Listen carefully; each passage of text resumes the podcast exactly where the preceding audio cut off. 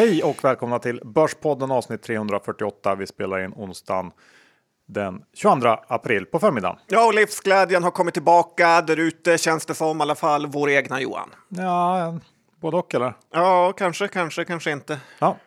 Innan vi kör igång så ska vi såklart tacka vår huvudsponsor CMC Markets och tradingaktiviteten är ju extremt hög nu Eh, och eh, ja, bland annat på grund av oron på oljemarknaden. Ja, verkligen så tycker jag att man ska ladda ner deras app här för att eh, det är ett väldigt, väldigt bra ställe, ställe för att följa oljeprisets utveckling. Och det som också är kul är att man kan följa de olika månadskontrakten som det är mycket snack om nu. Juni, juli, augusti och även september. Låter lite som, vad heter han, Per Gessle där. Spreaden är ju också faktiskt väldigt tight om man eh, tycker att det är intressant och dessutom kan man ta små positioner om man bara vill doppa tårna i oljetrading. Så är det. En annan sak som också är bra med deras app är hur man kan se hur CMCs allra bästa kunder ligger positionerade och få lite inspiration där. Ja, så vill du bli kund, gå in på cmcmarkets.se eh, så får du båda, både deras morgonbrev och eh, veckobrev Johan. Ja, helt gratis såklart. Ja, dessutom så kom ihåg, det finns alltid risker med CFD-handel. Ja, den här veckan John, så blir det mycket rapporter. De har börjat välla in och det är ju kul att följa och se om man kan få några ledtrådar kring hela den här coronahärvan. Vad blir det mer? Ja, vi kommer titta lite på eh, oljepriset såklart, som har väl varit kanske den stora snackisen. Och ja, många mindre bolag har också börjat droppa in med rapporterna, så det känns som att det här kan bli fullmatat avsnitt.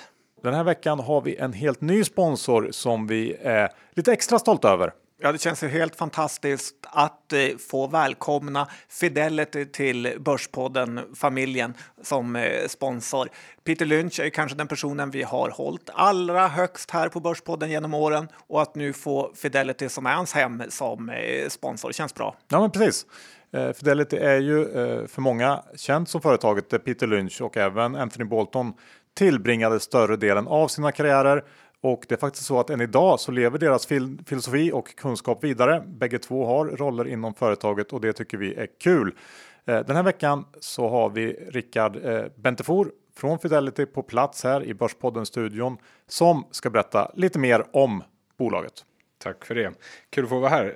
Eh, jo, vi på Fidelity International, vi har funnits här i Sverige lite drygt 20 år. Vi har opererat globalt ute i världen lite drygt 50 år. Så vi har varit med på fondmarknaden under en väldigt lång tid. Eh, vi jobbar som sagt med fondförvaltning, det är vår kärnkompetens och eh, vi var med och startade bland de första fonderna i världen, till exempel den första aktiefonden i Japan. Ja, spännande historik. Om man skulle vilja ta del av mer info och mer, vad gör man då? Då går man in på fidelity.se eller så besöker man närmsta bank eller försäkringsbolag eller nätmäklares plattform där mer information finns om våra fonder. Och eh, om man blir sugen på att investera, eh, hur gör man då? Antingen så kontaktar man våra infomailar eller så kontaktar man sin Eh, kontaktperson om man har en sån på bank, eh, försäkringsbolag eller en försäkringsförmedlare. Men annars på ledande informationsplattformar så som eh, till exempel Avanza, Nordnet, Morningstar eller vår egen hemsida fidelity.se. Tack för det Rickard. Vi ska också tillägga att Fidelity inte tar något ansvar för det som vi säger i podden och att investeringars värde och eventuella intäkter från dem kan både minska och öka. Och det kan hända att du inte får tillbaka det investerade kapitalet. Historisk avkastning är inte heller någon tillförlitlig indikator för framtida resultat.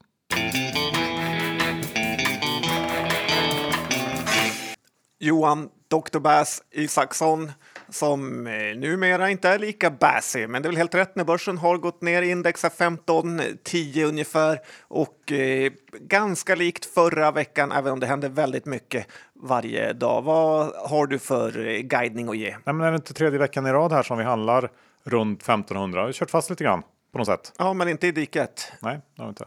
Uh, men samtidigt har det varit lite risk off känsla här sista dagarna efter det du var inne på i början, ännu mer turbulens på oljemarknaden och um, sen är vi också som sagt in i rapportperioden med allt vad det innebär. Så det blir några spännande veckor framför oss här med alla Q1 som väljer, väljer in. Uh, men det är väl lite för tidigt för att dra några generella slutsatser från de rapporter som uh, vi hittills har fått. Men det ska vi följa upp såklart.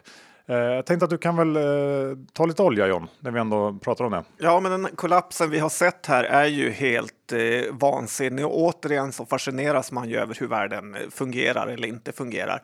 Lite pinsamt dock var det i måndags och se hur massa okunniga personer twittrade hej vilt om att oljan hade gått till minuspris eh, och att det var det största som någonsin hänt eh, då det egentligen bara var sista dagen av handel på majkontraktet och omsättningen var extremt eh, låg här. Jag såg att det var ungefär under 200 000 kontrakt mot vad det brukar vara på 90 miljoner kontrakt olja som handlades. Så att, det är ju lite grann som att titta på den här teckningsrätten i Irras sista dagen och tro att världen ska gå under för att den handlas i ett öre.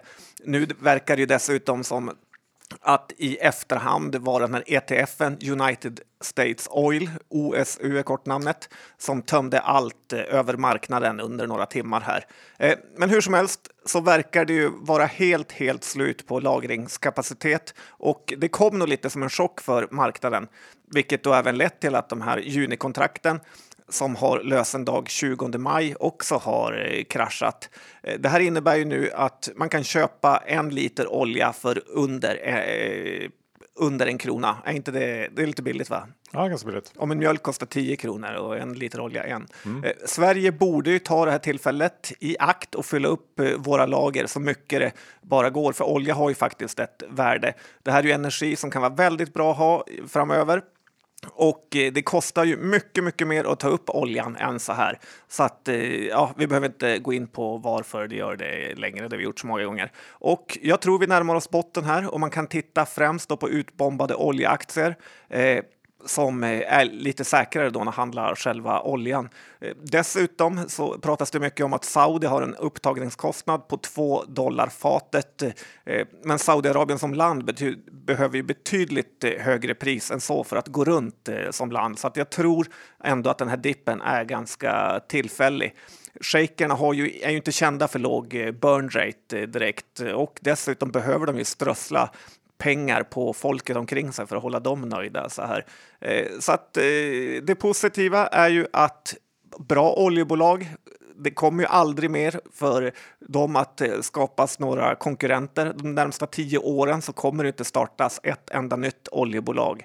Och för det kommer inte finnas någon funding och det kommer inte finnas några investerare som är sugna på att betta på oljebolag.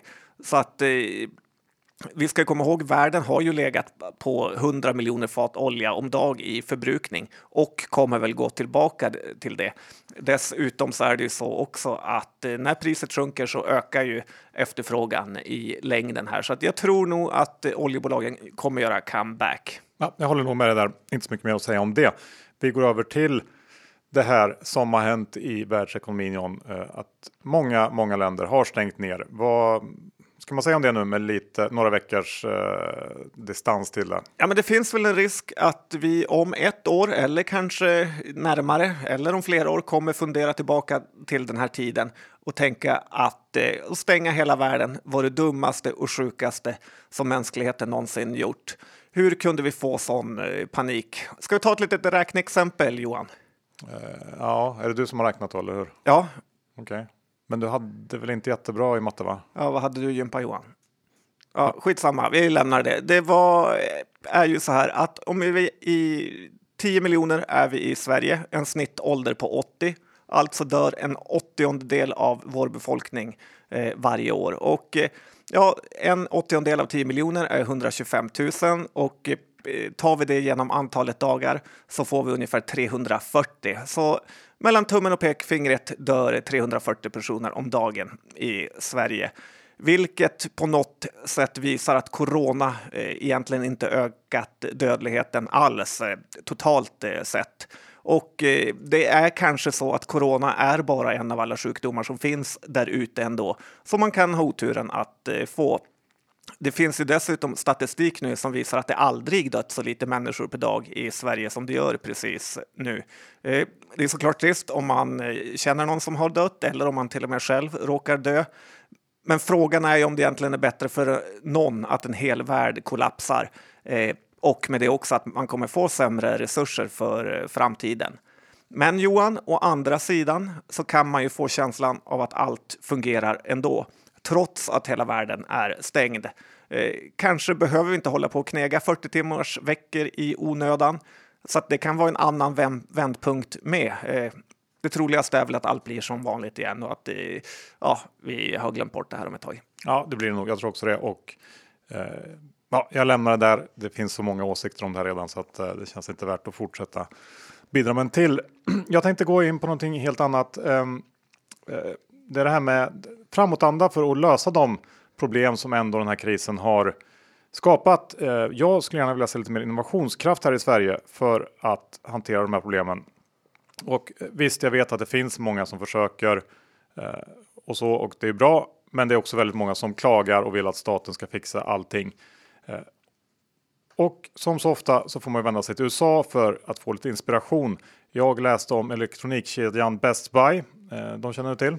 Jajamän. Ja, de har eh, tvingats stänga alla sina butiker i hela USA, men var extremt snabba med att hitta lösningar. På 48 timmar så ställde de om alla sina butiker till vad de kallar en curbside service model och det är någon slags mellanting av online och butik. Eh, fungerar som så att kunder får beställa det de vill ha och när de sedan befinner sig utanför butiken med sin bil så ringer man eller mejlar eh, och meddelar att man är där och personalen kommer ut med varorna. Och genom den här snabba, eh, ja, snabba förändringsarbetet så har Best Buy kunnat behålla 70% av sin omsättning trots då att alla butiker varit stängda. Eh, onlineförsäljningen under den här perioden steg med 250% och då är hälften av det eh, från den här så kallade curbside service modellen där kunder då plockar upp varorna utanför butikerna. Jag tycker att det är fantastiskt faktiskt att man så snabbt kunnat hitta nya sätt att nå sina kunder. Ja, jag såg faktiskt en thai-restaurang här som jag var och handlade på. Då fick man ringa in beställningen trots att man var utanför. Alltså ringa en meter. Och sen kom de ut med munskydd och levererade maten. Så att eh, ja, lite har de tagit efter. Ja, men jag gillar sånt där. Man måste ju ändå försöka se möjligheterna faktiskt. Det är mycket snack om att den här krisen är unik. Är den verkligen det? Nej, men den är ju inte det. Och eh, det står nästan i varenda vd-ord här hur precis eh, unik den här krisen är. Eh, men tittar vi på andra kriser, finanskrisen, jordbävning eh, eller sars-virus, så är det ju faktiskt på börsen att det är precis som vanligt. Det är defensiva aktier som håller vad de lovar. Eh, och eh, ska vi ta en titt på några olika av de här sektorerna Johan som ändå har klarat sig. Mm. Vi har ju mat. Eh, Orkla kom med en rapport som var väldigt bra här i Sverige. Har vi Axfood och Ica. Vi har eh, spel har klarat sig fint, både eh, gambling och liksom, dataspel. Läkemedel har vi Astra här som vi nämnde förra podden som var över tusenlappen. Många amerikanska bolag är också på liknande nivåer. Modern infrastruktur som eh, Bredband2 och kanske Bahnhof är också bolag som har klarat sig väldigt bra. Medan lite mer åt det här lyxiga hållet, bilar, Eh, BMW Traton har ju gått käpprätt, de har halverat ska man säga. Småbolag som man ofta pratar om har högre risk men högre avkastning har ju gått väldigt, väldigt dåligt. Banker har gått dåligt. Eh, kryssningar och hotell är ju det som är kanske mest konjunkturkänsligt, har ju också gått eh, katastrofalt eh, dåligt. Så att eh, i grunden hänvisar man till att eh, den här krisen är unik, men den är precis som alla andra. Vi är också sponsrade av Lendify och eh, där händer det grejer. Lendify har precis slutfört en nyemission, eh, tillfört 148 miljoner. Eh, det är både nya och befintliga aktieägare som har deltagit där och värderingen ligger på en och en halv miljard pre-money. Och det här är ju positiva nyheter för alla egentligen. John. Eh, nyemissionen innebär att Lendify väsentligt förstärker kapitalbasen och bolaget står fortsatt starkt för att möta efterfrågan. Ja, det är också kul att se vilka investerare som tror på det här. Det är Rosgruppen, det är Anders Borg eh, med flera. Så att eh, Lendify gör väldigt eh, mycket bra grejer. Vi har en stor del av vårt företagspengar där och vi är väldigt nöjda. Ja, det är ju ett bra komplement till börsen som jag sagt och eh, vill man testa det här går man in på lendify.se börspodden investerar minst 20 000 kronor för då får man 500 kronor extra insatt på sitt konto.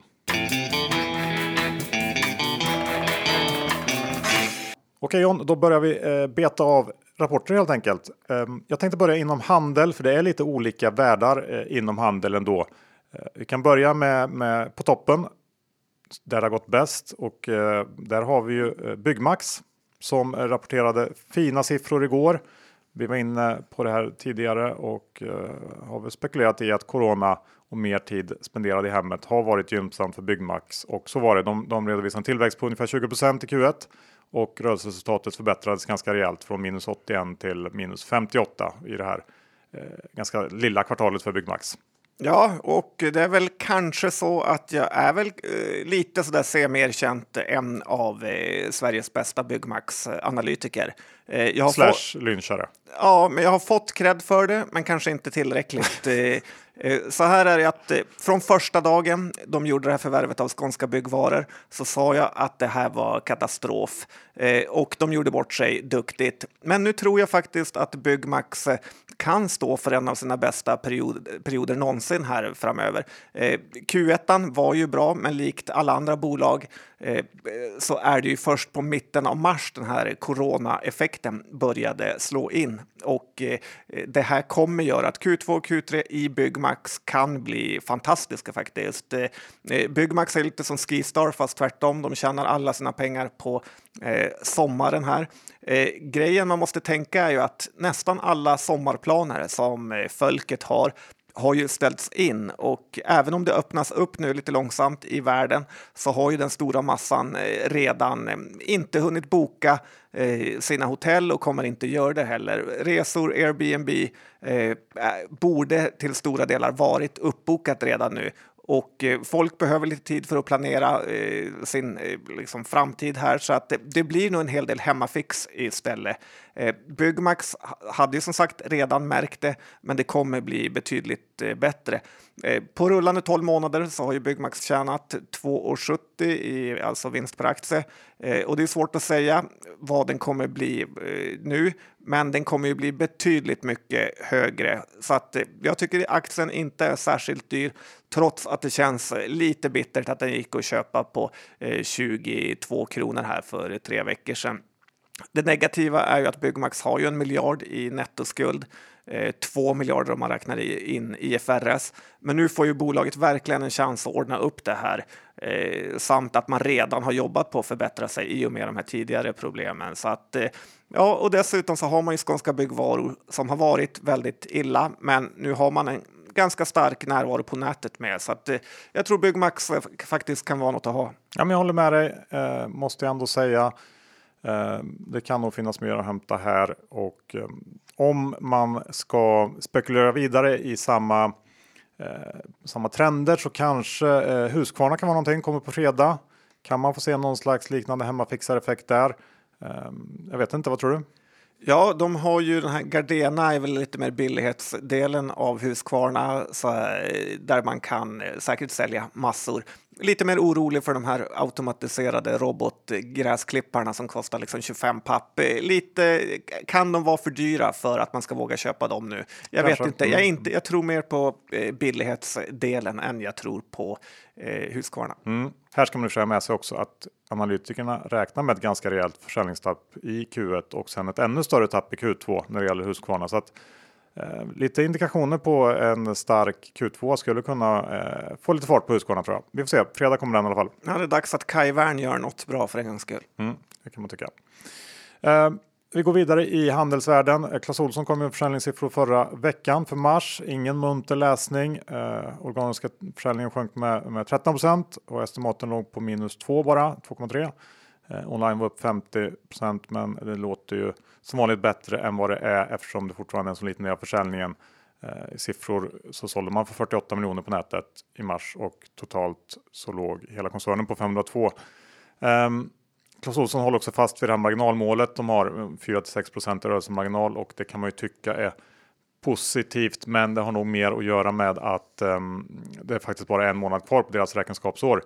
Uh, det tar ju slut i april, så året 2021 eh, alltså det som börjar här sen uh, i maj, tror jag blir betydligt tuffare för Clas Ohlson. Aktien runt 80 spänn uh, och jag ser ingen anledning att rusa in i Clas Ohlson här, givet de trender som man ser här ute i världen. Nej, men jag håller helt med. Jag har nog aldrig varit så negativ till Klasse som nu. Jag såg lite hopp tidigare, men i och med den här köpcentrums döden som verkligen har slagit igenom och när de ligger en rulltrappa upp så är det här verkligen inget bolag jag skulle vilja ha, utan då tror jag mycket mer på de här ladorna. Man åker ut och hämtar lite plankor. Ja, och när man ändå man inte trodde att man kunde komma längre ner på stegen inom handel så jo, det kunde man. MQ har vi ju som lämnade in sin konkursansökan förra veckan. Ehm, ett av alla eh, coronaoffer och eh, man får säga att det här är någon slags bolag som befann sig i en riskgrupp och som hade gått under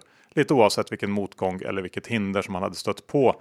Eh, det fanns ju långt gångna planer på en nyemission här, men efter då att försäljningen har kollapsat den sista tiden så togs beslutet att kasta in handduken och det var ju helt rätt och eh, ja, i grund och botten är det väl någonting positivt egentligen att MQ försvinner för att det är ju en kedja och verksamhet som det inte längre finns plats för.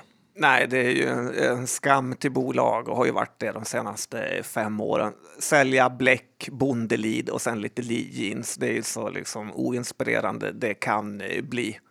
Vi går över till Stenasfären John. Eh, det är en sfär som du eh, ofta eh, ger lite tjuvnyp. Nu har två av deras innehav eller bolag släppt rapporter. Jag tänker på Beijer Electronics och Gunnebo. Kan ja. vi få lite kommentarer från vår Stenasfärs analytiker på Börspodden?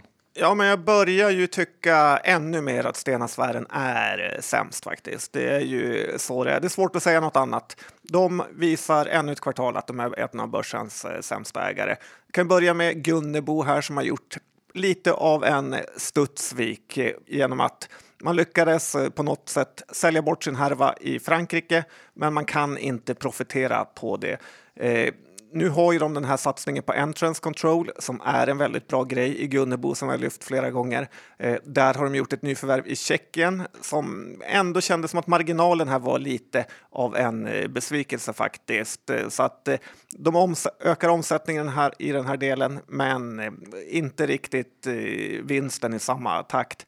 Sen har ju Gunnebo även några riktiga surdegar med kontanthantering och så vidare som bara minskar här. Så det ser inte så kul ut. Vi får nog vänta en eh, relativt eh, stor nyemission här någon gång i Gunnebo igen, eh, tror jag faktiskt.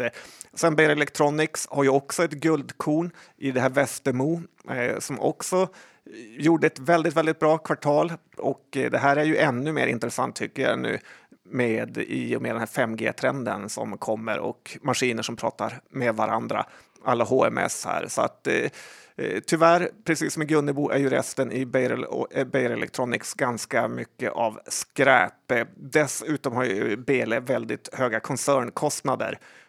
Så att nej, det här är inga bolag man gillar. Får man däremot en känsla att någon kommer köpa ut Västermo eller att eh, eh, de ska splitta upp det här så kan det bli en annan femma faktiskt.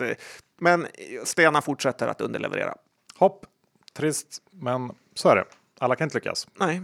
Nej. Um, tänkte ta lite kort eh, spelsvep. NetEnt kom nu eh, på morgonen med sin Q1. Omsättningen landar på 518 miljoner och det var bättre än de 490 till 500 som man guidar med för eh, i slutet av mars eh, och inte så länge sedan. Eh, men man har haft en riktigt stark avslutning på kvartalet och ehm, dessutom haft lite extra skjuts av en svag krona. Eh, och tittar man på resultatet så blev det 6% bättre än väntat. Eh, det är ett bra kvartal helt klart. Aktien har också dubblats sedan botten eh, i mitten av mars. Där var det i och för sig lite stora tvångsförsäljningar och sånt som påverkade. Men Roffe-effekten. Ja, Tittar man på rapporten så bryter tyvärr inte bolaget ut eh, Red Tiger längre ur siffrorna, men jag misstänker att Red Tiger har gått väldigt, väldigt bra. Att gammelnettan haft det lite tuffare så som det har sett ut här på slutet. Ehm, de har ju också en, en, stark position i USA, det har vi pratat om tidigare och den regionen växer starkt. Det eh, bidrar ju till resultatet. Men, men sammanfattningsvis ett bra kvartal. Eh, man kan helt säkert räkna med en, en riktigt stark Q2 också för att de här den här starka tillväxten tilltog under eh, slutet av kvartalet och eh, man ska också komma ihåg att under Q2 så blir jämförelsesiffrorna lättare. Vi har ju Ninja Casino som var en stor kund till Nettan. De tappade sin licens under Q2 förra året. Eh, det kommer att göra att det ser bättre ut och aktien runt nollan eller ner något nu på förmiddagen. Det beror nog mest på en extremt stark resa här sista veckorna. Ehm, det var mer kan man säga om den? Jo, live börjar faktiskt gå riktigt bra. Under konf så nämnde vd Therese att man kommer att ta beslut om en eventuell expansion av Live under Q2. Och eh, det är ju en väldigt positiv nyhet. Eh, och givet vad de säger om utvecklingen för Live och vad de indikerar så utgår jag från att man kommer att expandera och det är på något sätt ett, ett eh, nödvändigt och viktigt steg att ta för att få ordentlig snurr på den delen. Så att, eh, jag tycker ändå att det ser positivt ut för NetEnt. Hur är det med dina tre pusselbitar? Det var ju väldigt kul att prata om dem när det stod i 16. Känns inte lika kul att håna dig för det längre, för nu känns det som att du har fått rätt. jag kommer inte riktigt ihåg vad de var. Live, eh, Gammelnettan, Red Tie. Ja, nej, men de sitter väl där hyfsat. Ja, men det får man ge dig. Ja. Bra gjort. Eh, sen har vi eh, Catena Media. De kom eh, i veckan med den här efterlängtade refinansieringen Eh, och det var en lite småsnårig historia att förstå sig på. Man gör en hybridkapitalemission på knappt 700 miljoner och eh, som aktieägare får man då möjlighet, om man nu tycker att det är det, att teckna units och en aktie ger en teckningsrätt, nio teckningsrätter ger rätt att teckna en unit för 100 spänn. Eh, och uniten innehåller då den här hybriden. Det är någon slags obligation som ger Stibor plus 8 i ränta och dessutom får man sex varianter och varje variant ger rätt att teckna en ny aktie med strike price 1890. Man kan säga att det är inte jag som har kommit på det där upplägget. du har inte räknat fram det med dina mattekunskaper. Nej. Nej, nej det är det väl inte. Um, men kapitalet man får in här då, det kommer att gå till att återbetala en tredjedel av den befintliga obligationen. Och eh, som jag ser på hela den här historien så är det väl också ägarna av just den gamla obligationen som är de stora vinnarna på det här Eh, obligationerna handlades med ganska stor rabatt innan eh, och det är såklart då guld att bli av med en tredjedel på ett bräde. Eh, för aktieägarna eh, är det i och för sig positivt att refinansieringsfrågan är löst. Men eh, man riskerar också en ganska stor eh, utspädning via de här varianterna. Upp mot 70-75% tror jag det blir eh, om alla eh, används och det kappar ju uppsidan på något sätt kring 1890 där strikepriset är. Så att eh, jag vet inte. Eh, som aktie så tycker jag eh, Catena känns ganska död och eh, jag skulle också vara lite osäker till att teckna den här eh, uniten för att eh, ja, frågan är vilket pris den här hybridobligationen kommer att handlas till. Jag är inte helt säker på att den kommer att, att handlas på par. Eh, och dessutom så finns det ju väldigt många andra intressanta case inom spelsektorn så att eh, nej, jag är inte intresserad av Catena. Nej, Catena Media är ju det är lite för krångligt och det brukar inte vara bra för eh, vanliga människor. När vi ändå är inne på Catena, eh, ska vi ta upp Öresund, Krades. Öresund är ju eh, storägare i Catena. De var också med och garanterar den här eh, emissionen. Ja, så var det Johan och eh, det var ju någon som sa till mig här i veckan att eh, Kviberg var riktigt bra, men eh, sen separerade han från Hagströmer. Eh, A.k.a. han var aldrig bra in the first place, utan hade bara en riktigt bra kompis. Eh, känner du igen det där Johan? Lite som dig och mig. Ja, precis. Vem är vem, det får vara osagt. Eh, nej, men vi kan säga så här att det är bara att lägga ut grafen mellan Creades och Öresund bredvid varandra eh, så ser man hur uselt Öresund eh, presterat sen de delade på sig. Sen 2016 är Öresund helt oförändrat medan Creades har gått från 200 till 500. Och eh, tittar man på Öresunds nuvarande portfölj så ser den så okrispig ut det bara går. Eh, och jag kan tänka mig otroligt många mer intressanta case än vad Öresund har i väskan. Det är Scandi Standard, Bilia, Fabege, SEB, Attendo och sen har vi den här Catena Media-härvan som du tog upp. Och eh, en sak som är lite intressant här som ingen har nämnt, det är ju att Kviberg har inte kickat någon vad jag vet, vilket indikerar väl ändå på att de flesta av de här idéerna är hans egna.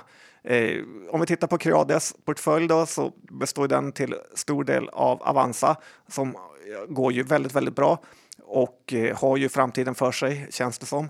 Men även en massa intressanta onoterade bolag som eh, Tink och eh, Apotea här. Så att ja, det är väl 10-0 till eh, Creades och Hagströmer mot eh, ja, stackars lilla Kviberg som har det tufft nu. Ja, just nu ser det så ut, även om man väl kanske ska akta sig och döma ut folk för snabbt på börsen. Man vet att det kan svänga snabbt, men eh, ja, det ser lite tufft ut. Jag håller med. Eh, jag tänkte bara ta upp eh, Sandvik lite snabbt. Det är ju det enda riktiga stora industribolaget som har rapporterat så här långt och den rapporten var väl mer eller mindre in line med en orderingång som var lite bättre och ett resultat som var lite sämre. Och tittar man på det här eh, konjunkturkänsliga affärsområdet sms så tappar man 12% under Q1. Men det här tappet tilltog under kvartalet och i sista veckan av mars var efterfrågan ner 25% eh, När det gäller mining-delen så säger man att läget såg mer stabilt ut med mer eller mindre oförändrad efterfrågan. Även om eh, köpbeslut drar ut på tiden från kunderna. För den som hoppades på lite mer svar eller ledtrådar kring hur efterfrågan utvecklar sig framöver under konfkålet här blev besviken för det var en väldigt försiktig ledning som svarade på frågor. Det var inte mycket vettigt som kom under den timmen. Eh, det man säger är väl att påskeffekten med ledighet i början av april. Eh, ja, det gör att man har svårt att bedöma eh, liksom, efterfrågan i början av Q2.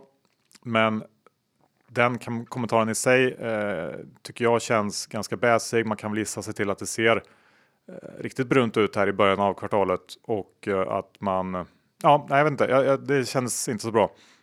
Och det ligger väl också i allas prognoser att Q2 kommer att bli ett fruktansvärt kvartal för många bolag. Eh, men många, så många fler svar än så fick vi inte av Sandvik. Möjligen då kanske att aktiviteten i Kina förbättrades i slutet av Q1, men det är också någonting som flera har sagt eh, tidigare här på slutet. Så jag, jag vet inte, men eh, ja. Det är mycket du inte vet Johan, så när du sur att ledningen inte vet. Eh, ingen vet ju någonting. Det är väl det som är lite det roliga med börsen nu, att eh, det, allt beror på hur det här viruset eh, och uppstängningen och nedstängningen och vad som händer. Så är det, men om jag ska vara lite mer konkret då, så känns det ändå som att ledningen visste lite mer om början på Q2 och det var ju att den, den är ju ännu sämre än vad man vill säga, skulle jag tro. Men att man hoppas lite grann att det är bara påsken som har påverkat. Så ja. tror jag. Ja, jag tror också att det är helt nattsvart första, ja, hela april. Ja. Eh, ett till bolag som det är ganska nattsvart för just nu är ju Torstens lilla New Wave. Ja, men finns det liksom något som är bortom nattsvart så är det ju Torsten Jansson just nu. Alla event är inställda, Gotia Cup, Stockholm Marathon, Fotbollsallsvenskan. Ja, men allting. Det är brutalt surt. Det går inte att sälja deras t-shirt och annan merch.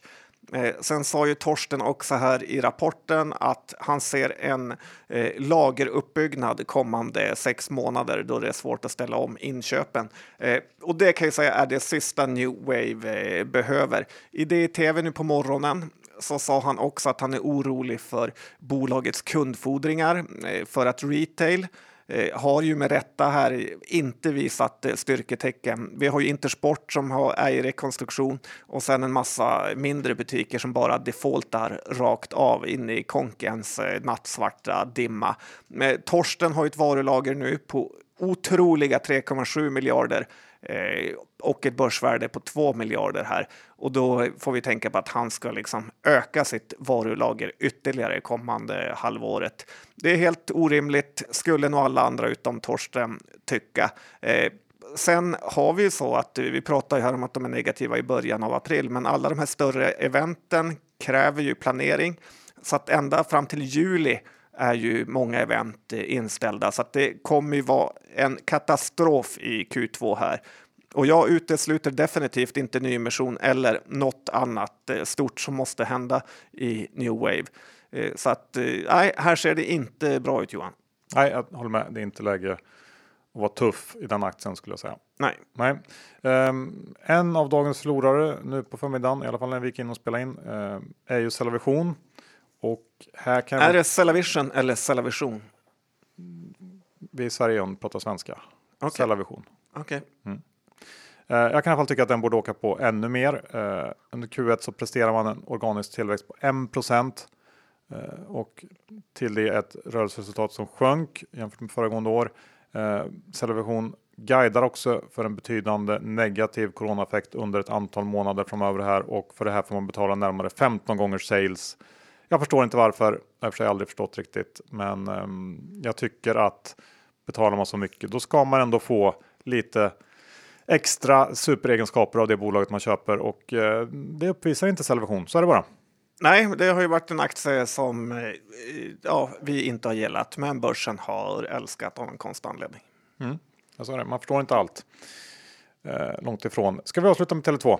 Ja, men det kan vi göra ändå. Och eh, det är ju så att eh, telefonoperatörerna har väl ändå varit den här eh, känslan att de inte skulle drabbas så hårt, men det har de ändå gjort. Roamingavgifterna från affärsresenärer verkar vara en viktig intäkt och eh, det känns lite oroväckande för framtiden då mer och mer blir sådana här internetsamtal än eh, mobilsamtal. Sen att de här som står i gallerierna i mittgången och eh, ropar “Tjena gubben, vad har du för abonnemang?” eller eh, “Kingen, hur är läget?” eh, Att eh, de också verkar vara en del av eh, liksom stor del av nyförsäljningen är ju också lite oroväckande och också ett tecken på att old school-försäljning eh, eh, fungerar. Och eh, ja, Tele2 är ju inte var superbra ett tag, men eh, nu känns det inte lika hett längre. Jag, jag vet inte vad man ska tro riktigt. Vad tror du? Jag vet inte. Du glömde den här eh, varianten Maestro. Nej, men jag, jag, håller väl med eh, på ett sätt där och det, det, här är väl det trista med defensiva aktier som inte riktigt levererar defensivt. Eh, då åker man på en del. Samtidigt så får man liksom sällan någon vidare uppsida. I och för sig har ju Tele2 varit en fin aktieägare under ett antal år, men det är lite nackdelen. Eh, Telia som kom in här på morgonen idag är väl lite samma visa. Nu går den upp idag, men det kanske är mest för att den har, har redan åkt på mer än, än vad Tele2 har gjort. Eh, och Telia var också ute och fick sänka sin kassaflödesprognos, den så viktiga kassaflödesprognosen eh, med en miljard. Och det är väl som en, en, en ett direkt resultat av det här Bonnier-förvärvet. Men eh, ja, det är ehm, sådär halv, halvkul de här aktierna just nu ändå skulle jag säga. Slut på avsnitt 348. Vi tackar vår huvudsponsor CMC Markets. Ja, deras app är väldigt bra. Det är ett bra brev du får varje morgon och ett veckobrev du får i veckan om du signar upp dig som kund helt gratis. Och såklart ett stort tack till Fidelity International, hemmet till Peter Lynch och många andra. Vi är väldigt glada att ha med dem på resan som sponsorer av Börspodden. Ja, kolla in deras eh, extremt breda utbud av eh, fonder som finns på alla kända plattformar. Så är det. Och missa inte heller Lendify, möjligheten att skapa sig ett, ja, ett annat kassaflöde än det som kommer från börsen. Ja, men det känns det fel att ha alla ägg i samma korg. En eh, gammal klyscha som håller. Ja, lendify.se snedstreck Börspodden. Nu ska vi ta lite innehavsredovisning. Eh, jag ska vi se. Jag har eh, lite NetEnt Um, ehm, I övrigt tror jag att det är ganska lugnt för mig. Du John? Ja, jag har ju min lilla ETF under uppbyggnad som jag hemlighåller inför marknadslansering. Nej, men de stora innehaven som jag har lite mer av är eh, Leo som jag köpt lite här på morgonen och även Byggmax och lite NentEnt eh, som jag bara har köpt för att du har sagt att det är läge. Leo har vi för inte pratat om idag, men fick du berätta om då om du ville. Om du vill inte. Nej, bra. Då tackar vi för att ni har lyssnat. Hörs om en vecka igen. Det gör vi. Hej då!